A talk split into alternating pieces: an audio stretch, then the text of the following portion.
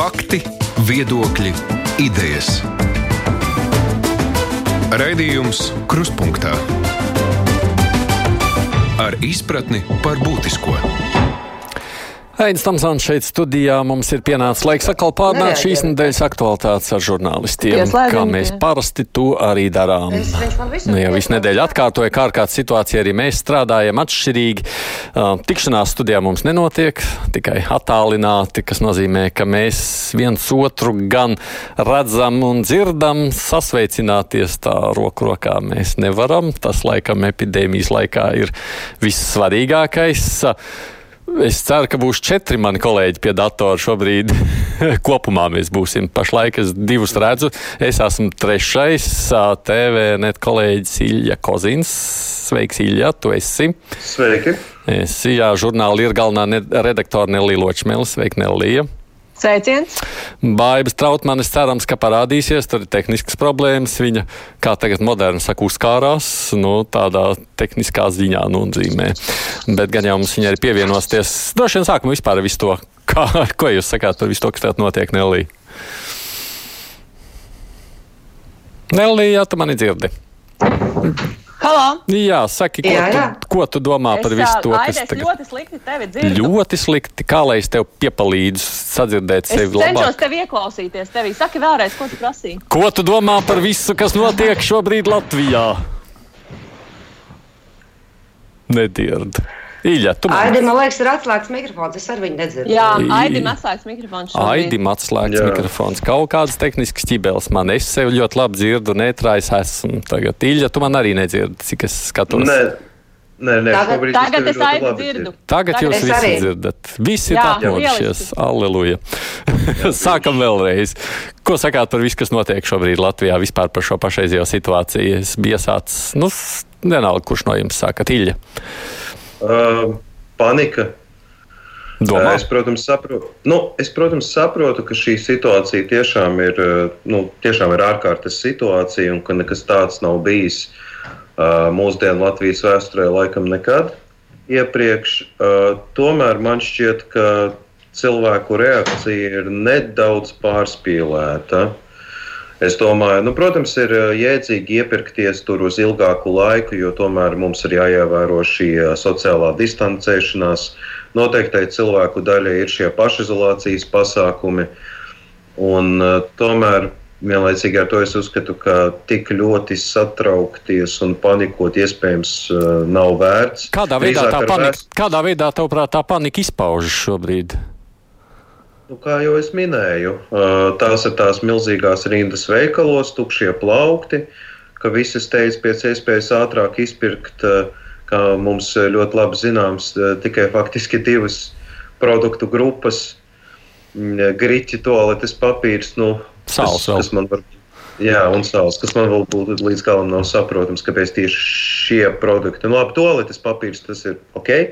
Bet kāpēc grīķi, ja mums ir Kāpēc tas ir ok? Jā, jā bet, bet kāpēc Grieķija mums ir uh, produkti ar daudz lielāku enerģētisku vērtību? Uh, tās pašas, es nezinu, lēcas rīsi. Uh, tas man īsti nav saprotams. Bet tu jau redzi, ja arī-. Bet tu Es esi dom- redzējis, kas darās Lielbritānijā, kur vispār šobrīd ir ierobežots no katra pirkuma pa diviem, jo tur, tur ir palicis tikai veiklā saldējums un lieldienu olas. Tā es vakar lasīju ziņās. No, jā, tā kā. Jā, Bet nu, es domāju, es gribēju vienkārši piebilst, ka man šķiet tā, tā panika vai tās bailes uh, izpaužas arī tajā, kā mēs vispār uz šo vīrusu šobrīd skatāmies. Man reizēm, ieejot vismaz savā uh, Twitter burbulī vai ziņās, ir tāda sajūta, it kā mēs būtu saskārušies šobrīd ar mēri vai kaut ko tik briesmīgu, uh, kas ir nāvējošs visiem, ar ko sastopās, bet tā vienkārši nav. Un man liekas, ka šī te, šis faktors, ka ir šobrīd sociālie tīkli, kas mums ļauj nu, ļoti operatīvi komunicēt un ļoti, ļoti pievērsties dažādām detaļām, viņš nepalīdz ieraudzīt to lielo bildi. Man, man tiešām vēl iedomāties, kas būtu noticis, ja teiksim, tādu lielu krīžu laikā kā Otrais pasaules karš vai, vai Pirmais pasaules karš un Spāņu gripa, ja tad būtu šie sociālie tīkli. Uh, Kā mēs spētu pārvarēt šīs problēmas? Jo Man no šīs nedēļas ziņām vislabāk, līdz šim ir paticis, nu, nevis no ziņām, bet no, no viedokļiem, ir paticis psihiatrijas profesora Taubas vēsts sabiedrībai, ka mums ir jābeidz pārspīlēt, ka mums ir jānomierinās.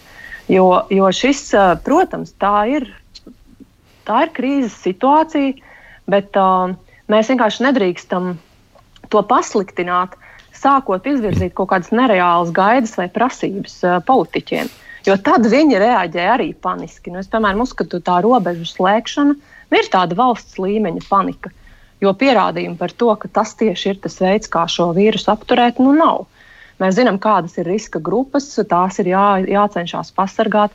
Mēs zinām, ka tie cilvēki, kas ir bijuši tajos uh, skartajos uh, reģionos, ka tiem ir jā, jāturās tālāk no citiem cilvēkiem, tas viss ir pareizi. Bet īstenībā, ja mūsu mērķis bija samazināt teikt, šo līkni, ja, placināt to, to, to līkni, tad šobrīd ar šiem repatriācijas pasākumiem mēs esam sasnieguši, teikt, tieši pretējo.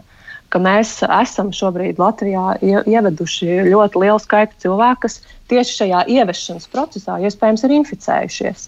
Jo, jo tas viss ir noticis tādā, nu, tādā, tādā ļoti saspiestā laikā un saspiestā vietā. Es šorīt, skati, es... Jā, es šorīt skatījos filmu BBC uh, par uh, Ķīnu un Vuhaņu, un tur gan bija dokumentāli tie paši cilvēki bija filmējuši, kā tas notiek, kad viņi, nu, kā viņi tur palīdz, tur bija mediķi filmējuši sevi, un tajā brīdī, kad viņi saslimst, un tad tas vīrs tur stāst, ko, kas tāda notiek. Nu, vispār jau tā aina skatoties, un tur diezgan smagi, protams, gāja, un tur ir pietiekoši daudz arī mirušo nu, diezgan dramatiska aina un negribētos kaut ko tādu piedzīvot, tas, kas notika tur. Nu, jā, bet...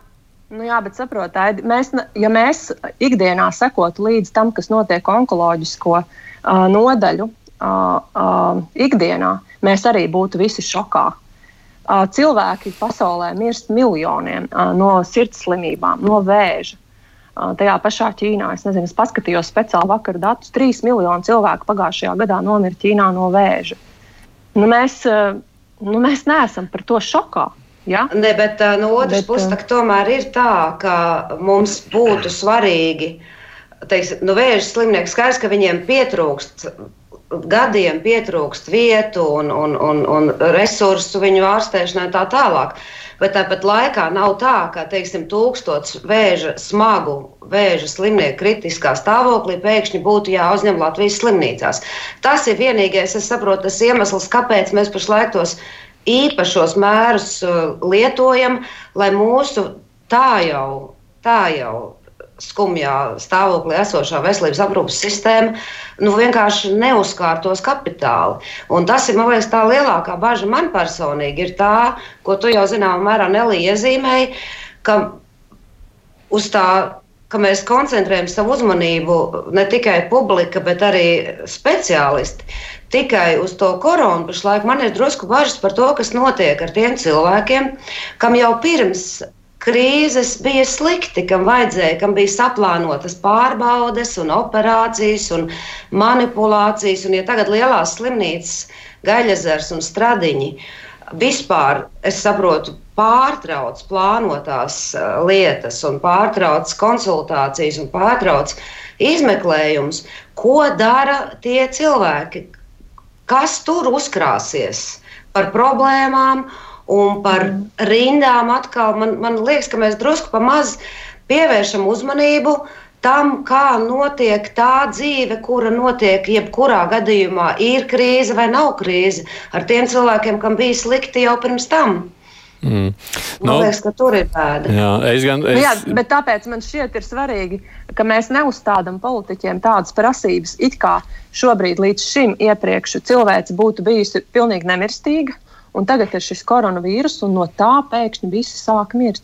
Tā mēs tam piekrītam. Tā nav. Man liekas, tas mums ir tiešām ļoti skaidri jāsaprot. Nu, ka, ja mums liekas pieņemam, ka teiksim, šī gada laikā Ķīnā 3 miljoni cilvēku nomirst no vēža, tad daļa no viņiem iespējams šobrīd viņu tajā nāves apliecībā būs cits ieraksts. Bet varbūt, ka var saprast mediķis no tāda viedokļa. Skatījos gan vakar, gan šorīt uh, Eiroņūs interviju ar Lombardijas ārstiem. Vakar bija viens, šodien cits. Viņi saka, tā, tā, tā briesmīgā izšķiršanās, kas ir viņu gadījumā. Viņi saka, viņiem ir slimnieki, kur viņi saka, ja būtu pirms mēneša, mēs viņus noteikti būtu saglābuši. Šodien mums nav resursu, mēs vienkārši nevaram, mums nav iespējas. Mēs viņus nemēģinām vispār glābt. Mēs ļaujam viņiem mirt. Un es saprotu, ka viņi saka, tā, tas viņiem ir tīri tā emocionāli visgrūtākais. Un no šā, es domāju, jebkurš Latvijas ārsts ļoti negribētu piedzīvot, ka mums ir līdzīga situācija.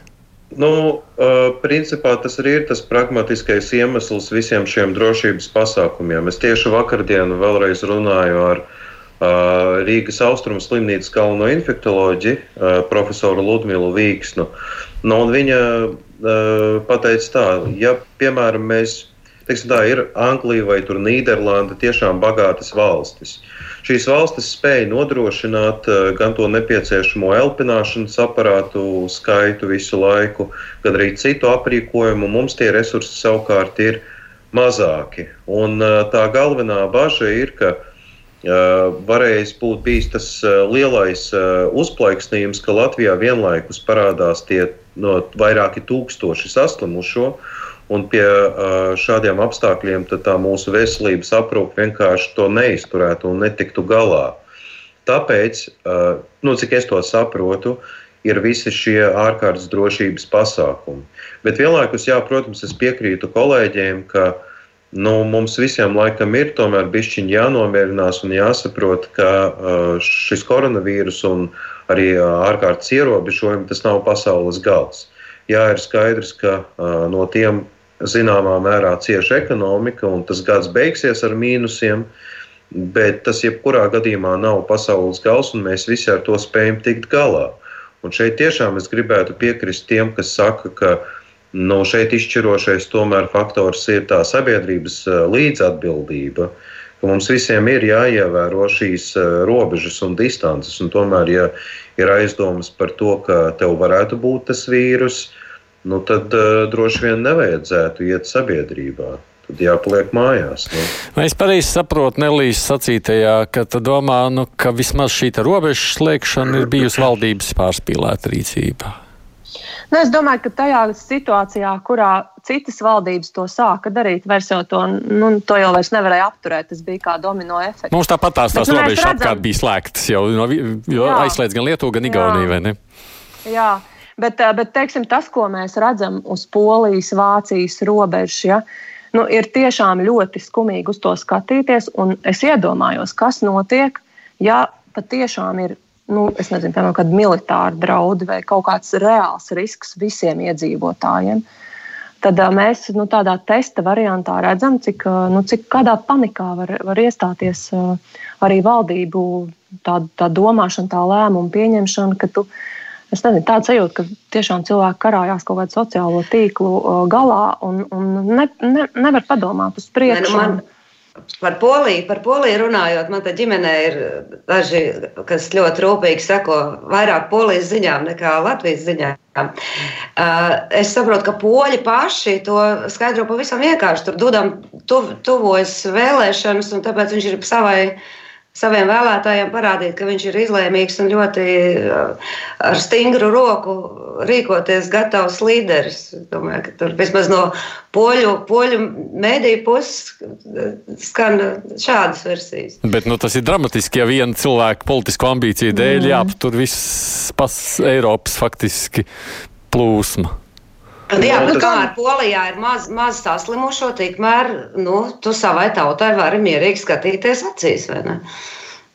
Nu, tas ir, jā, viss tā polijas situācija tomēr parāda, ka nu, tomēr liek uzdot jautājumu par to Eiropas solidaritāti.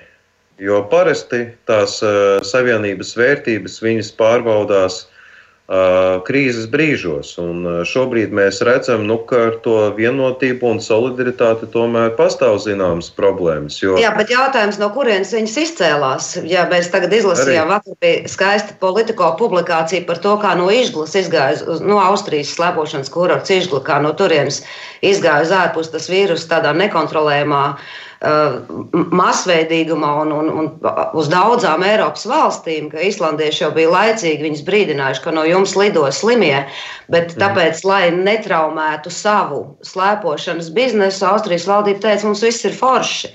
Tas arī ir jautājums par solidaritāti. Arī. Nu jā, tas ir, tas ir tieši jautājums par racionāliem lēmumiem. Tajā brīdī, kad tu redzi, ka ir problēma, tā problēma ir jārisina. Jo pēc tam ir jārisina jau sabiedriskās attiecības. Nu. Un tas ir daudz sarežģītāk. Bet reiz pieminējām tādu Eiropas kontekstu. Sabiedriskajās attiecībās es esmu mazliet arī diskutējis ar saviem kolēģiem. Man pašam šķiet, ka Eiropas Savienība, ja Brisele šajās sabiedriskajās attiecībās nav spējusi parādīt veiksmīgu nu, nezinu, rīcības spējīgu kaut kādu tādu attieksmi. Jo, uh, arī Latvijā pietiekoši daudz tiek kritizējuši, nu, kur, kur kāda jēga no tās Eiropas solidaritātes, ja, ja mēs tikai labos laikos varam kaut ko tur darīt, bet, kad sākas krīze, tad tā ir katras dalībvalsts atbildība. Jums šādi jautājumi pašām, pašiem un pašām nav radušies? Nē, nu, man, man nemitīgi tie radās kopš visas šīs krīzes sākuma.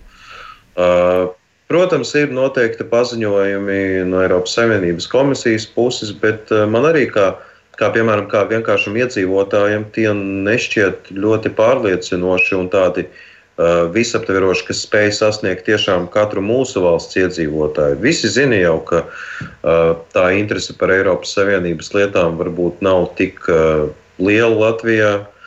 Un šādos gadījumos man šķiet, tur būtu jābūt pirmkārt nu, plašākiem informatīviem pasākumiem. Un, eh, un vispār būtu jābūt tomēr. Mēs daudz runājam par visaptverošu civilās aizsardzības sistēmu pašā Latvijā, bet es uzskatu, ka šādai sistēmai vai vismaz plānam uh, nosacīti sakot, dienai X ir jābūt arī visas savienības līmenī. Tur gan, protams, ir noteiktas problēmas, Un šķēršļi, kas liedz to darīt, es tos ļoti labi saprotu, jo tomēr Savienība tā nav tā tāda vienota valsts. Mēs redzam, ka tie pasākumi bija efektīvi teiksim, tajā pašā Ķīnā, bet nu, ir jāsaprot atšķirība. Tur, piemēram, vispār ir autoritārs režīms un viss notiek centralizēti. Eiropas Savienība ir vairāku demokrātisku valstu savienība, kur viss notiek pārunu procedūru gaitā. Un eh, šādos krīzes brīžos jā, parādās, ka tas, eh, tas nav tik raiti. Un te ir jāmeklē risinājums. Kāds tas varētu būt? Nezinu. Bet es arī uzskatu, ka ir nepamatoti sagaidīt, ka no e Eiropas Savienības Briselē pēkšņi varētu lemt par to, vai ir ārkārtas situācija jāizsludina kādās konkrētās valstīs, kur situācija ļoti atšķirīga. Man liekas, šeit arī mums nevajag gaidīt, ka nu, liekas, cilvēki pretrunās arī nonāk. No vienas puses sūdzās par to, ka Brisele visu laiku kaut kādas prasības izvirza un komandē. Un tad, kad uh, viņi to nedara, un tad, kad tas ir valstu atbildība lemt, kāda ir mūsu veselības sistēmas kapacitāte, ko mēs varam iesākt, kā mēs varam ierobežot to mūsu konkrēto problēmu, uh, tad pēkšņi atkal plātam rokas un gaidām. Man liekas, ka tieši no Eiropas Savienības, kā es esmu dzirdējis, piemēram, veselības ministra teica, ka ir kopīgais iepirkums Eiropas Savienības ietvaros par tām nu, lietām medicīniskajām, kas ir nepieciešams. Man liekas, tas ir tāda lieta, kur tiešām var just, ka ir labums. Ir skaidrs, ja starptautiskajā tirgu ir resursu trūkums, visā pasaulē trūkst lietu, tad mēs kā Eiropas Savienība, kā liels nu, pircējs, varam labāk konkurēt nekā, ja mēs katru valsts atsevišķi tur sacenstos. Nu, vismaz šajā reizē kaut, ne... kaut te pa tām robežām tagad viss saka, nu tad varbūt kaut kā palīdzēt koordinēt, lai mēs tiešām neapturam visu pleču kustību starp Eiropas Savienību, jo robežas slēgts un katrs par sevi atbild. Tikai šobrīd baidu, tu grasījies, ko sacīt, es redzēju. Nē, nu, pirmkārt, es gribēju teikt, ka galvenā ziņa, ko viss gaida no Eiropas, man liekas, jau izskanēja, ka nauda būs. Nu, ko arī palīdzēt labi, tiem, labi. kam vajag. Jā. Bet ar to preču kustību es domāju, ka tas jau lēnā garā atrisināsies. Tagad, jo repatriējas vai tiek repatriēti jau viss caur cilvēku, un katra valsts atkal citādāk izturās pret, pret, pret savējiem, kuram liek pašam ar saviem spēkiem rāpot mājās un, un, un kuram palīdz. Tas arī ir ļoti dažādi. Uh, Bet, bet tajā brīdī, ka, ka vairums to, kas būs gribējuši nokļūt savās valstīs, būs tur nokļuvuši un, un, un paņemti zem tā teikt, uzraudzībā un kontrolē, es domāju, ka tad arī teiksim, tā robeža šķērsošana ar preču plūsmai nu, norimsies un sakārtosies lēnā garā. Es nedomāju, ka teiksim, Polija turēs to visu. Viņam tā pašiem ar kaut kādu biznesu vajag. to, mm. Nu, dažādi viedokļi no klausītājiem. Daži saka, tiešām nevajag pārāk lielu paniku saukt. Cita Diana raksta, klausoties komentārus, paliek skumji, cik viegli prātīga pieeja tiek skandināta šobrīd Latvijas radio viens ētrā. Tas par jums panikas necelšana. Mm, ne, nu, nu, es, ne, nu, es nedomāju, ka tā ir viegli prātīga pieeja. Es jau, piemēram, neaicinu tagad uh, visiem doties tur, es nezinu, ielās un uh, vienkārši tēlot dzīvīt, kā nekas nebūtu noticis. Nē, protams, ka nē. Es domāju, ka ir jāievēro šie drošības pasākumi, jo nu, vienkārši tas ir likums, ir vai ne. Bet tajā pašā laikā nu, tā ir katra individuāla cilvēka izvēle, kā to visu uztvert. Nu, es, viens variants, es varu par to domāt apmēram tā. Ak, Dievs, šausmas ir iestājusies nu, bezmaz vai zombiju apakalipse. Un ir otrs variants. Es varētu padomāt, nu, labi, mums ir šī grūtā situācija, bet kaut kas tiek darīts. Uh, tiek mēģināts ierobežot šo inficēto cilvēku skaitu. Kompetenti ārsti un zinātnieki strādā pie vakcīnas, viss tiek kontrolēts. Nu, es izvēlos otro variantu, un es nedomāju, ka tas ir viegli prātīgi. Tas vienkārši ir nu, mierīgi un adekvāti situācijas uztvert. Tas arī viss. Es pievienojos, un man liekas, arī ļoti svarīgi, ka mēs ļaujam politiķiem pieņemt racionālus lēmumus, kas ir balstīti pētījumos, zinātnē, izpētē un ar savu to. Nu, nu, savu attieksmi nespiežam viņus pieņemt lēmumus, kas kaitēs īstenībā valstīm un, un sabiedrībām, un ļaujam šim procesam notikt tā, pamatoti un, un racionāli. Un es arī piekrītu, un vēl jau vairāk tādā ziņā, ka te bija sākumā runa par par burbuļiem. Es neatceros, kurš no jums kolēģi teica, ka jūsu burbulī valda panika.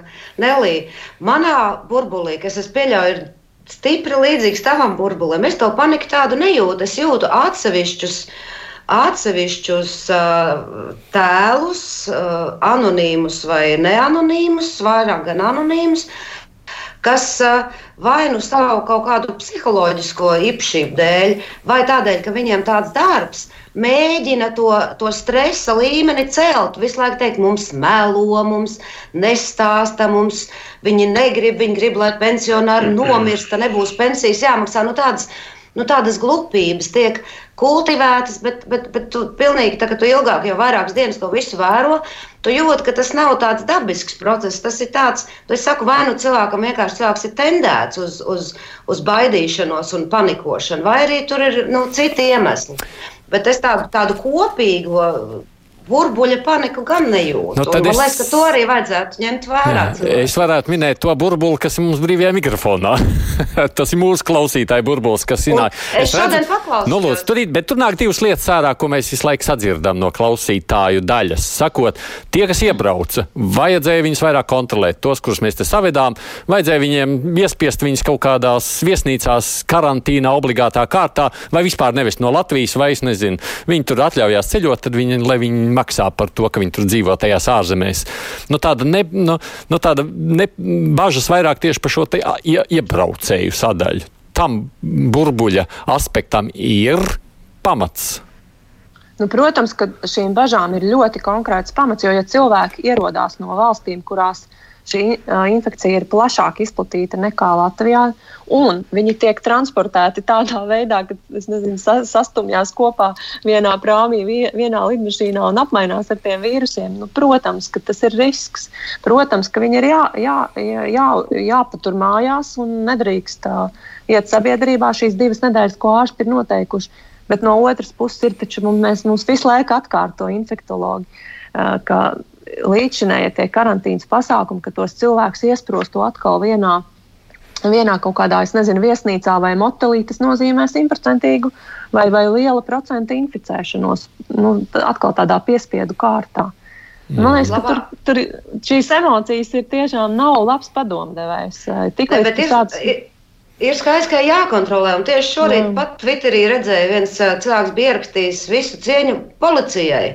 Atbraucu, uh, aizbraucu, nokarantinēju sevi. Šodien atbrauc policija pārbaudīt, vai es godīgi mm. sēžu mājās. Nu, un tajā brīdī, kad, kad teiksim, arī šīs ziņas, tur vajadzētu reportāžu taisīt, ka žurnālisti braukā kopā ar policijas ekipāžām, kuras piebrauc pie cilvēkiem, kuri, kuru nav tik daudz pašlaik. Ja, kurus var pārbaudīt, paskatās, tu esi mājās, nē, es mājās, un kad tu zini, ka tev pārbaudīs, jo tad gadījumā nebūs mājās, tad būs baigās ziepes, tas jau arī palīdz vienmēr. Mm.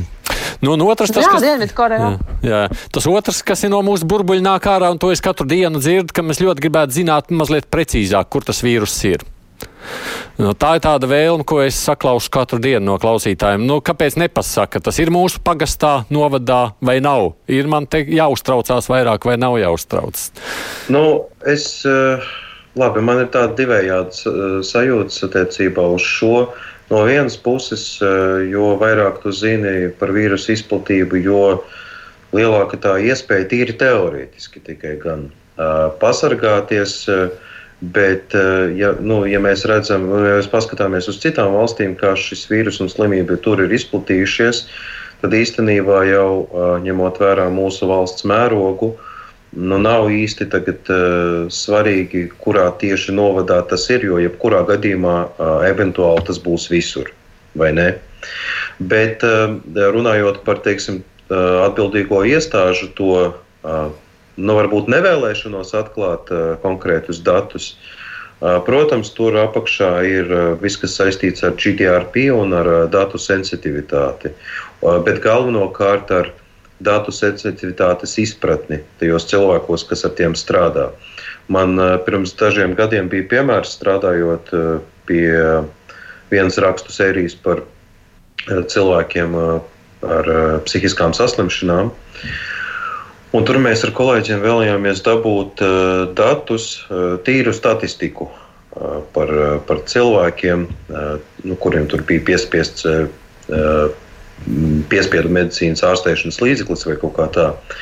Un arī šo statistiku mums nevēlējās atklāt. Mums nācās tur aplinkiem iet un no kaut kādiem citiem datiem to izsvecināt. Uzskatot, ka arī šāda statistika ir sensitīva. Nu šeit jau arī tas strīds, te ir pārspīlēta no. attieksme pret šāda veida informācijas sargāšanu vai nē.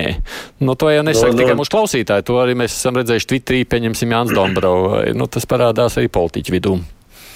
No vienas puses tā attieksme ir bijusi pārspīlēta, bet no otras atkal ir jāskatās uz tiem iegūmiem. Nu, labi, mēs atklāsim, kurā miestā ir tas vīrus, bet uh, nu, ko tas reāli dos. Mm. Piemēram, ja es dzīvoju jūrmalā un es uzzinu, ka vīrus ir parādījies uh, kurzemē kaut kur. Nu, man tas jau neko nemainīs, jo es tāpatās šajās dienās neesmu plānojis un arī nebraukšu uz to kursu. Nu. Nē, nu, es kā žurnālists noteikti aizstāvu to, ka ir jābūt šai informācijai maksimāli pieejamai. Um, un, un, es, es redzu arī no citu valstu piemēriem, kur arī ir spēkā šī pati datu regula, ka informācija ir daudz precīzāka, Un īsti nesaprotu to pamatojumu, kāpēc Latvijā viņi ir tik. Nu, tas jau ir kļuvis par tādu, vismaz manā Twitter burbulī, par tādu izsmieklu objektu, tā karte, kas tur tika veidota. Nu, tas ir skaidrs. Jā, nu, es, tas nav, jā, tas es, esmu, es esmu līdzīgi bet kā Ilija jautājis, es... ko tas man dod, kad es zināšu. Jo, nu, vai tas nozīmē, ā, manā pagastā vēl nav, vēl es varu brīvi dzīvot, bet es jau nevaru būt pirms Nē. septiņām dienām tur kāds ar vīrusu nosteigājis un vēl nav Nē, parādījies. Es nedomāju, ka tas, es nedomāju, ka tas ir tādai praktiskai lietošanai, ka šorīt paskatos kartē, ah, un tad es varu kā, neuztraukties. Es domāju, ka tā nav, ka mums jāņem šī situācija nopietni tādā ziņā, ka, ja mēs zinām, ka ir riska grupa, vecie cilvēki, vai cilvēki, pareizāk sakot, ar nu, kaut kādām imunitātes problēmām, sliktu hronisko stāvokli vai tā. Tiem cilvēkiem, neatkarīgi no tā, kur viņi atrodas, ir jāievēro piesardzība jāturās tālāk no, no pūļiem. Jā, nu, tas tieši tas, ko visu laiku mums stāsta mediķi. Uh, vienalga, kurā vietā tas ir, jo šis vīrus ir epidēmija, pret kuru nevienam nav imunitātes, un viņš turpinās izplatīties.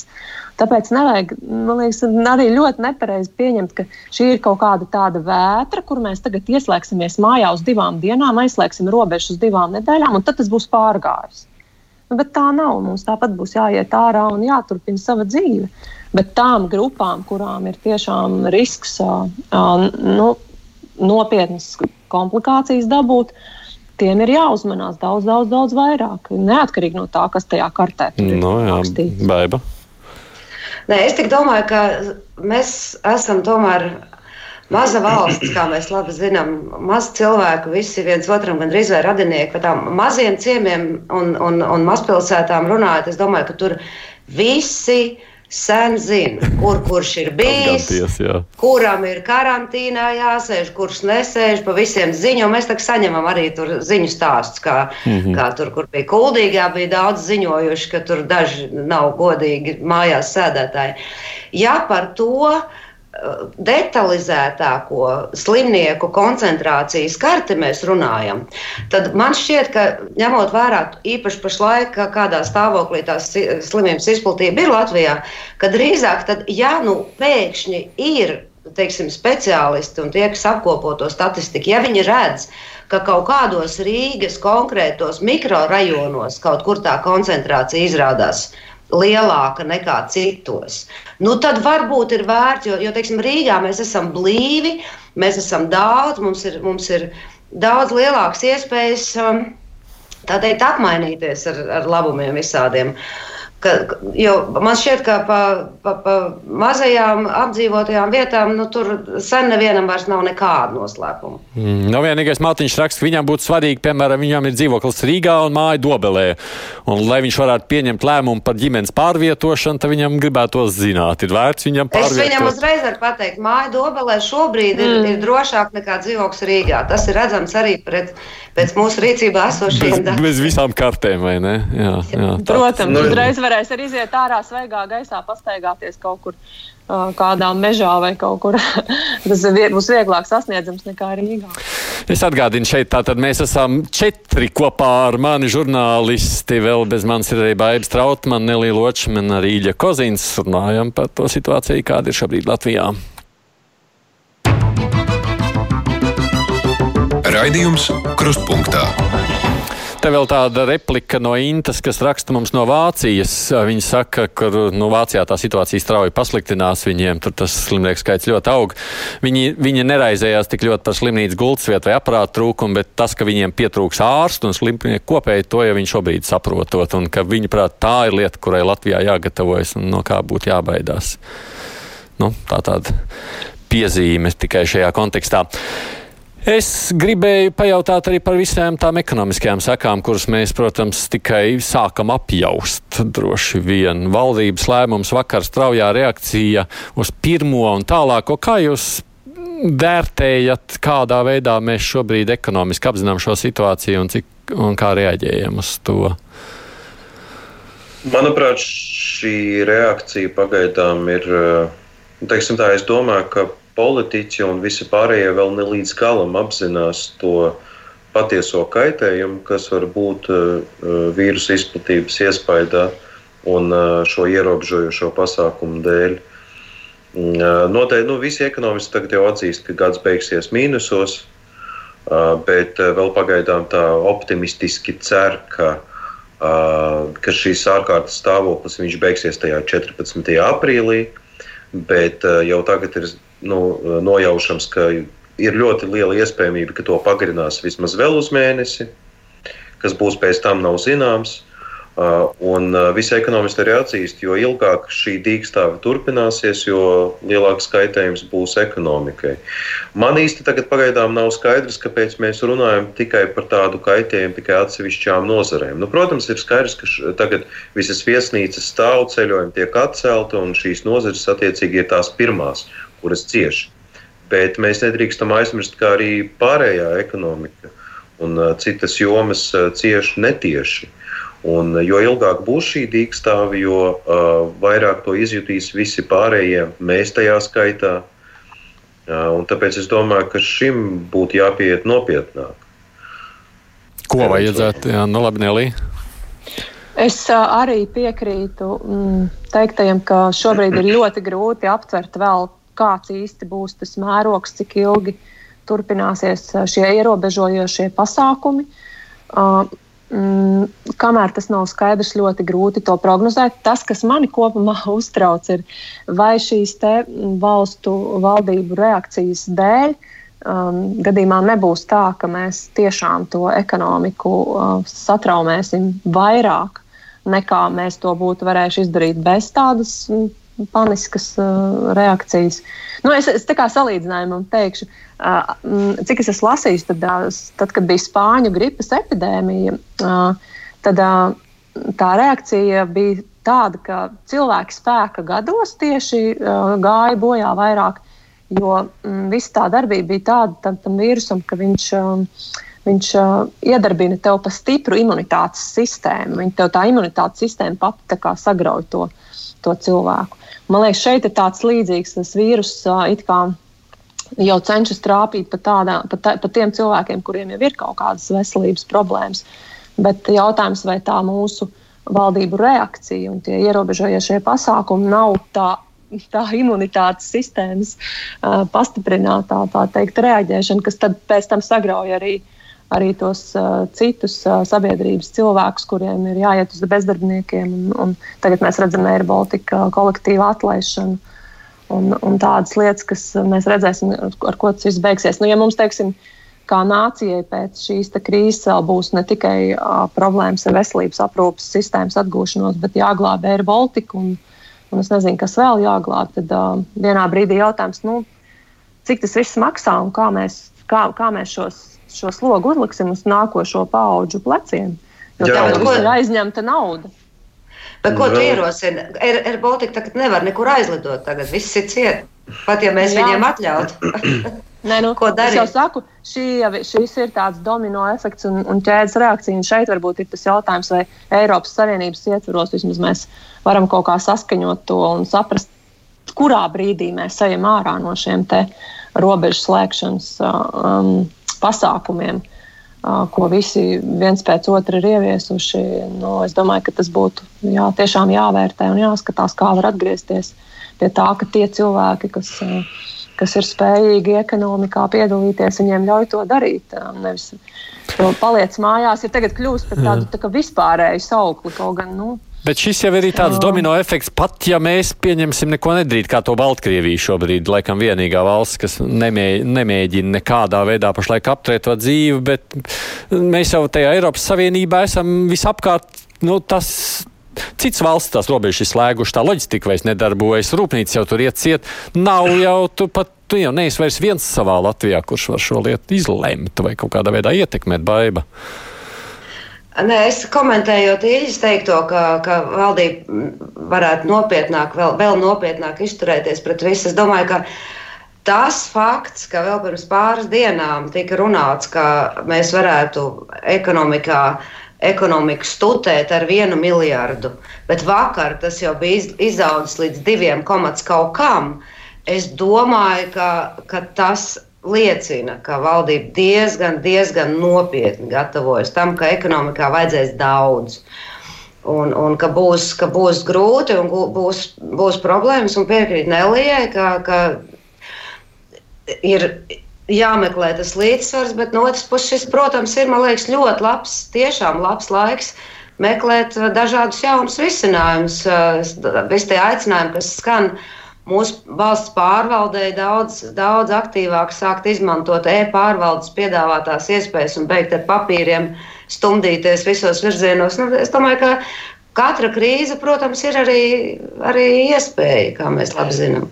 Jā, un tas nenoliedzami būs arī liels pārbaudījums politiķiem, ne tikai uh, menedžējot šo krīzes situāciju un uh, testējot uh, kaut kādus krīzes pārvaldības modeļus, bet arī tiekot galā ar zināmu sociālu spriedzi, kas varētu rasties.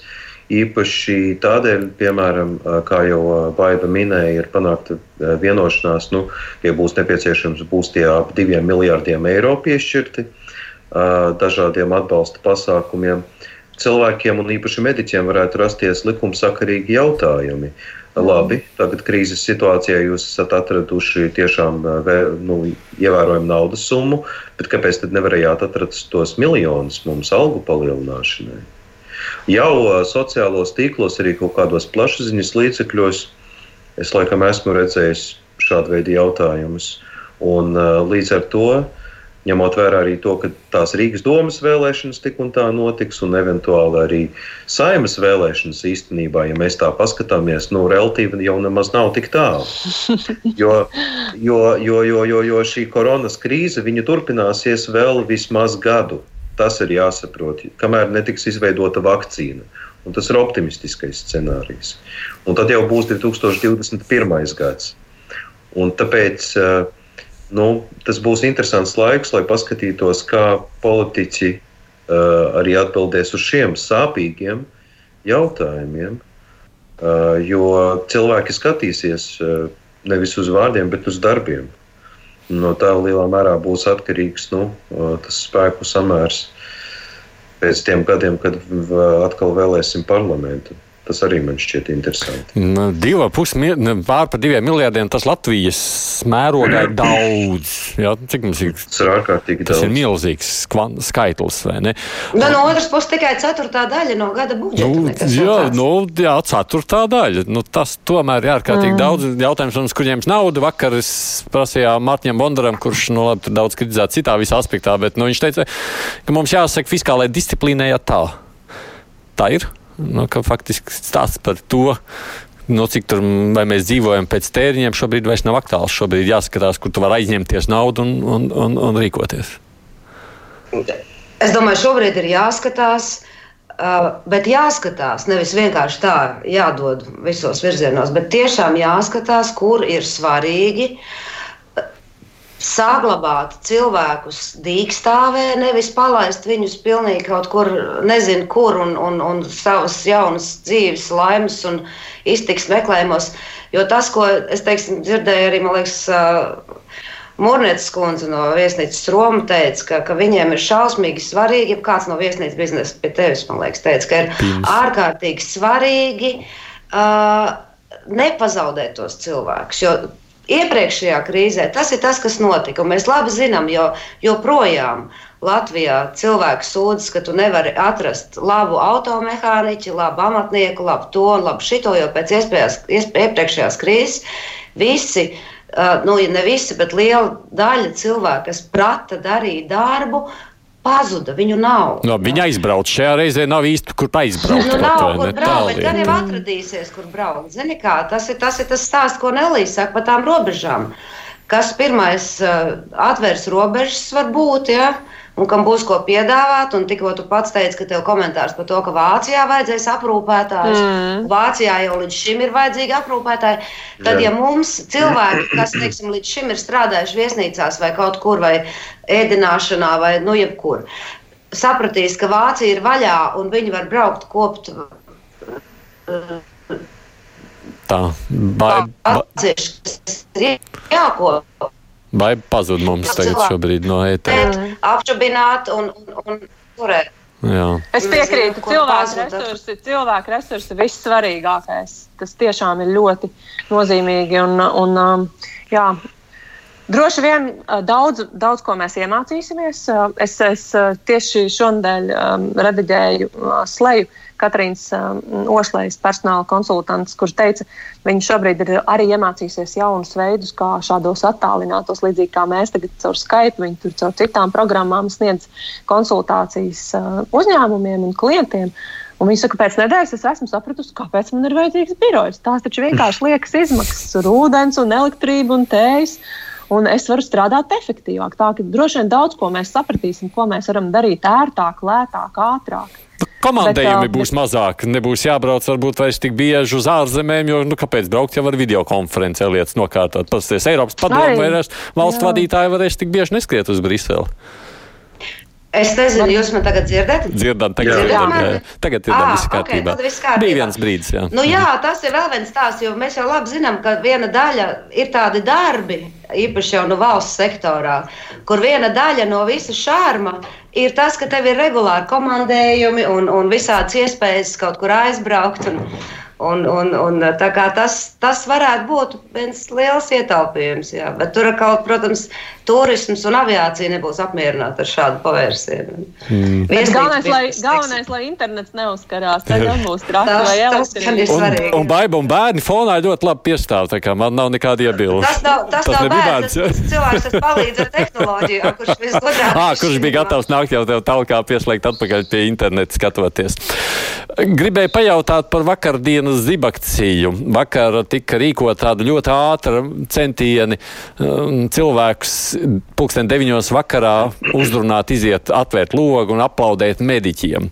Mums viena klausītājs sacīja, ka nu, viņas apkaimē ļoti daudz to nebija. Viens klausītājs raksta, ka savukārt pie uh, Grīziņkalna gan esot bijis diezgan skaļi to aplaudētāju skaits. Ko jūs sakāt par šādu akciju?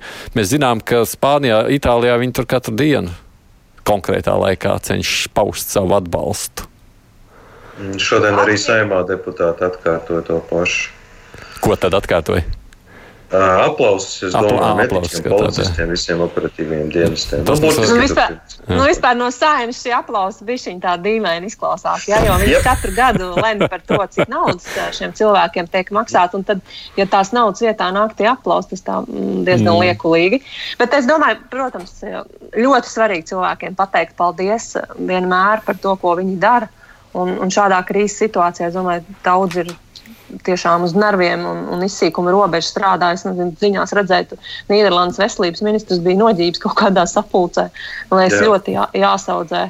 Jāsaudzē cilvēkiem sevi, un, un ja mēs varam pateikt, bet man liekas, ka daudz pat labāk izmantot katru to brīdi, kad tu, kad tu redzi savā priekšā šo cilvēku. Atcerēties, ka nevis tikai tev ir savas prasības, bet pateikt viņam paldies par to, ko viņš dara. Nu, jāpiebilst, jau ir vēl viena lieta. Es esmu runājis arī ar mediķiem, kas strādā slimnīcās, nu, kuriem nav saistība ar koronavīrusu šobrīd, bet nu, viņi paši atzīst, ka nu, viņi rēķinās, ka viņi ir tādā lielāka riska grupā, ja tie pacienti nāk pie viņiem un iet, un tas ir katru dienu un dažādi, un mazāk un vairāk slimi, un nu, ka viņi ar savām ģimenēm zināmā mērā arī riskē šādā veidā. Jo viņi... Nu, tā ir tāda lieta, ko mums droši vien jāapzinās katram mm. pašam, dodoties pie ārsta. Atradīsim mēs tiem mediķiem tomēr pēc šīs krīzes naudu vai nē? Mums cilvēks saka, nu šis būtu tāds beidzot varbūt. Atradīsim, atradīsim, es domāju. Mm. Es domāju, ka mums nāksies atrast jau, kamēr vēl tā krīze nebūs beigusies, daļu no tiem diviem miljardiem. Jo, jo tā tas ir, ja nu kāds šobrīd strādā visvairāk un ne no mājām, bet uz, teikt, uz vietām, uz ielām un perēkļos, ja, un, un, uh, kuri mums tiešām visvairāk ir vajadzīgi, kur visvairāk nogurst pašlaik. Tad tie ir, ir, ir mediķi, un viņiem būtu ārkārtīgi svarīgi palīdzēt vismaz ar naudu, uzturēt to motivāciju un to gatavību to darīt, protams. Jā, vis, Jā vispār, vispār, es domāju, ka, vispār es domāju, ka tam ir ka tur būtu vispār jārunā par tādu apjomīgu finansējumu palielināšanu, līdzīgi kā tas bija piemēram aizsardzībai. Jo toreiz tajās debatēs visu laiku runāja, kad jautāja, nu kā tad ok, mēs tagad palielinām mūsu budžetu aizsardzībai ļoti strauji līdz 2% no IKP, bet kā tad ar visiem pārējiem? Un toreiz arī daudz žurnālisti jautāja par mediķiem, nu, jo viņi ir taču tie, kas eh, glāb tos pašus karavīrus, nu, brūcis, sašu un visu pārējo. Un tad uh, ierēģi un arī politiķi pārsvarā atbildēja, nu, redziet, ja nebūs tādas labas aizsardzības, nebūs kam arī ārstēt.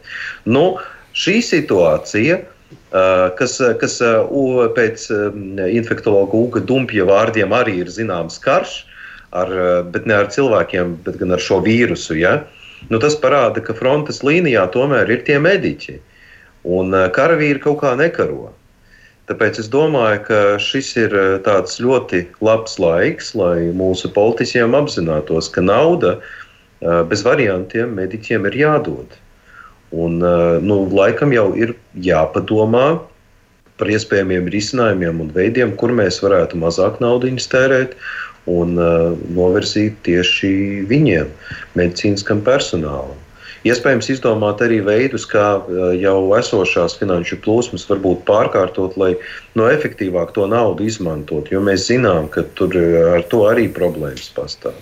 Turklāt, es domāju, tas ir jau ļoti konkrēts jautājums. Mums intervijā Viņķels uh, kundze ministra teica, ka trūkst 2000 māsu jau nu, mums tā kā normālajā situācijā trūkst 2000 Jā. māsu. Es domāju, ka šos 2000 cilvēkus trūkstošos ir iespējams šobrīd piesaistīt, ja uh, tu apsoli uh, normālu algu. Un, un cilvēki citos sektoros teiksim, zaudē darbu. Tās māsas jau no nu, kurienes viņas ir pazudušas. Viņas ir aizgājušas prom no šiem darbiem, kuros viņas nespēja skrienot riņķī, vairāk uh, strādājot vairāk nekā ar diennaktī stundu. Uh, savākt kaut kādu iztikas līmeni. Strā, iet, iet, iet un strādā kaut kur Hesburgerī vai kur, ja? lai iet atpakaļ uz medicīnas sektoru, kurā mums šobrīd ir kritiska situācija, briest. Ne, negrib arī celt paniku. Mm -hmm. Tā ir, tā ir, un tas ir, tas ir jau pavisam konkrēts veids, kā cilvēks, kas ir pazaudējuši darbu kaut kur, bet kuriem ir attiecīgā kvalifikācija, atkal dabūt iekšā darba tirgu un viņam normāli algu maksāt, protams. Mm. Man ir tikai trīs minūtes reāli palikušas. Droši vien vispirms tas nav Nelijai jautājums. Es nezinu, vai es kādiem citiem var vēl, nu, ja cik un paspēsim pajautāt, kas notiks ar medijiem, tīpaši privātajiem, kur es saprotu, um, šī krīze tikpat tās tūlītās sitīs, jo nav jau vairs reklāmu. Ja?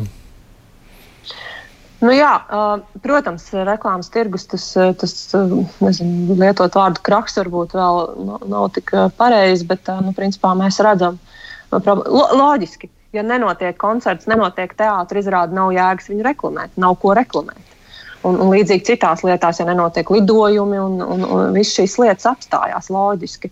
Un tas ir uh, svarīgs, uh, protams, ienākuma avots. Uh, mēdījiem. Bet, nu, līdzīgi kā mēs jau kopš īstenībā Latvijas mēdīju vide, kopš reklāmas krituma, kas pie, tika piedzīvots iepriekšējā krīzē 2009. gadā, nekad nav atgūsies. Nekad. Mēs esam runājuši par to, ka IKP kopā valstī ir atguvies un nozars ir atjaunojušās reklāmas nozarē. Tā tas nav. Un, šis ir vēl viens jautājums par to, ka cilvēkiem ir jāsaprot, ka ar savu naudu ir jāatbalsta mēdīte. Jo mēdī, kuriem ir teiksim, abonēšanas ienākumi vai mazumtirdzniecības pirkšana vai cits veids, kā jūs tieši samaksājat par to žurnālistiem par šo darbu, tas ir tas svarīgākais un, un uzticamākais avots, kā mēdī var būt uh, droši, ka varēs turpināt darbu. Bažas vai mēs nepaliksim bez um, žurnāliem, nezinu, internetu portāliem kādiem? Es saku, tā ir cilvēka atbildība pieslēgties tam un Jā. saprast, ka, ka šis ir personīgi katram jāizlemj. Ilja, cik mēs apzināmies tā situāciju, varbūt mēs arī vēl tikai īsti tikai sāksim to līdzi apjaust, kas notiek. Ne? Nu, zini, es varu šo komentēt tikai no savas perspektīvas, un te ir jāsaprot, ka es varbūt neesmu tas menedžeris. Jā, es esmu Protams, teiksim, tā, šajā gadījumā vienkārši tāds informācijas kuram nemaksās algu drīz, ja nebūs naudas. Nu, protams, man kā žurnālistam ir šādas bažas. Es esmu lasījis, uh, laikam, kaut kādu asociāciju uzsaukumu, ka jā, iespējams būs uh, tas, uh, tas krāks. Man negribētos par to tagad domāt, jo uh, vienkārši ir jākoncentrējas arī uz to pašu darbu, vai ne? Ja, nu, ja tas tā notiks, es nezinu, ko es darīšu. Nu, pielāgošos situācijai. Man, protams, uh, ir laikam jāpiekrīt eh, Nelijai, ka gribētos, lai cilvēki beidzot saprot, ka tas mediju saturs ir uh, jāatbalsta. Pie mums cilvēki tikai sāk pierast, ka par kvalitatīviem pakalpojumiem ir jāmaksā. Man arī tagad ir īstenībā liels prieks, ka arvien vairāk cilvēku maksā par digitālo saturu, par to pašu Netflix, eh, Spotify, citiem servisiem. Tas nozīmē, ka šī kultūra pie mums pamazām attīstās. Un es ļoti ceru, ka ar laiku arī par uh, internetu izdevumiem, līdzīgi kā tas ir piemēram nu, ar visādām abonēšanas maksām, uh, tur cilvēki par pasaules lielajiem un kvalitatīviem mēdījiem maksā par kaut kādiem gārdieniem un visiem pārējiem. Es ļoti ceru, ka ar laiku cilvēki pieradīs un uh, piekops tieši tādu pašu dzīvesveidu. Vairāk baigais par to nejautāšu, jums laiks ir beidzies, bet es jums saku paldies tiešām kolēģi Baibs Trautmanu, Hilģi Kozins, TVNet un Elija Lošmela žurnāls ir. Paldies jums, ka pievienojāties šodien šajā paldies. sarunā. Es, Paldies! Tāds īsts skaidrojums, jā, īsts skaidrojums televīzijas skatītājiem. Turpmāk kruspunktā nākošās nedēļā būs mazliet citādākā raidlaika redzams, proti pirmdienās, trešdienās un piekdienās televīzijā tas būs nevis pulksten trijos, bet pulksten divos. Nu, vismaz tādu ziņu esmu saņēmis, lai jums pasaktu šobrīd. Savukārt otrdienās un ceturtdienās pulksten trijos. Man nav nekādas sīkākas informācijas, kāpēc tas tā notiek, bet nu, tāds ir tas fakts. To var rēķināties. Savukārt pirmdien mums lielā intervija šeit, kruspunktā attālināta, arī būs ar nu, cilvēku, kurš savulaik ir ļoti tuvu stāvējis ekonomiskajām krīzēm. Tas ir bijušais finanšu ministrs Andris Vilks, tātad finansists, ko viņš saka par visu šo. Es domāju, pirmdien man tā arī būs svarīga saruna. Producenta Loreta Bērziņa studijā arī es Aidis Tomsons. Fakti, viedokļi, idejas. Raidījums Krustpunktā ar izpratni par būtisko.